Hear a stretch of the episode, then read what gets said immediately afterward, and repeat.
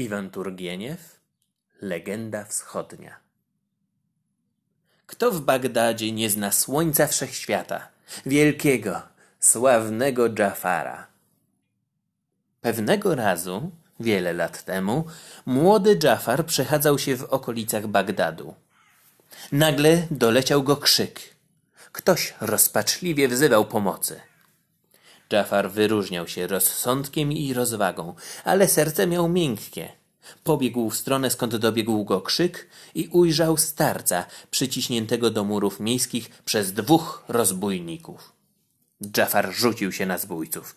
Jednego zabił, drugiego odpędził. Ocalony starzec padł zbawcy do nóg. Dzielny młodzieńcze, twoja wspaniałomyślność zostanie nagrodzona. Tylko z wyglądu jestem żebrakiem. Będę czekał na ciebie koło fontanny. Przekonasz się o prawdziwości moich słów. Hmm. Z wyglądu ten człowiek rzeczywiście jest żebrakiem, ale rozmaicie bywa. Dlaczego miałbym nie spróbować? Dobrze, ojcze, przyjdę.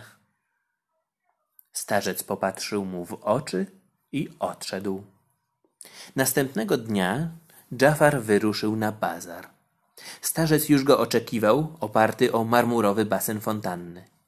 Milcząc, wziął Dżafara za rękę i poprowadził do otoczonego murem ogrodu. Na środku tego ogrodu rosło niezwykłe drzewo. Trzy jabłka wisiały na cienkich, ku górze wygiętych gałęziach.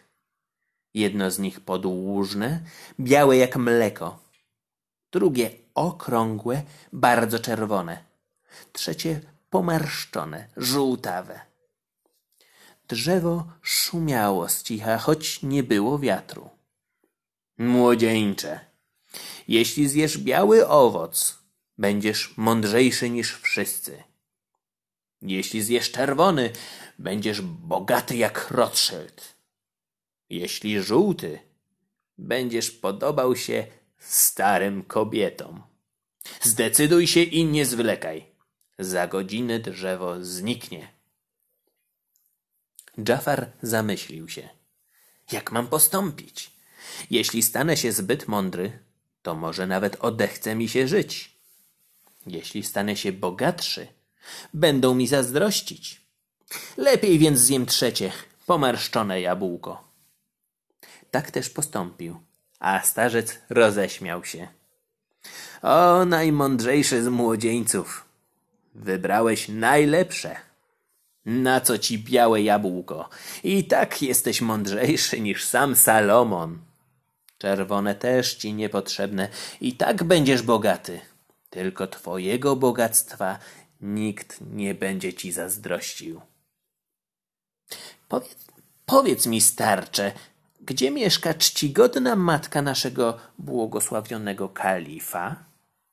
Starzec pokłonił się do ziemi i wskazał drogę. Kto w Bagdadzie nie zna słońca wszechświata, wielkiego, sławnego Dżafara?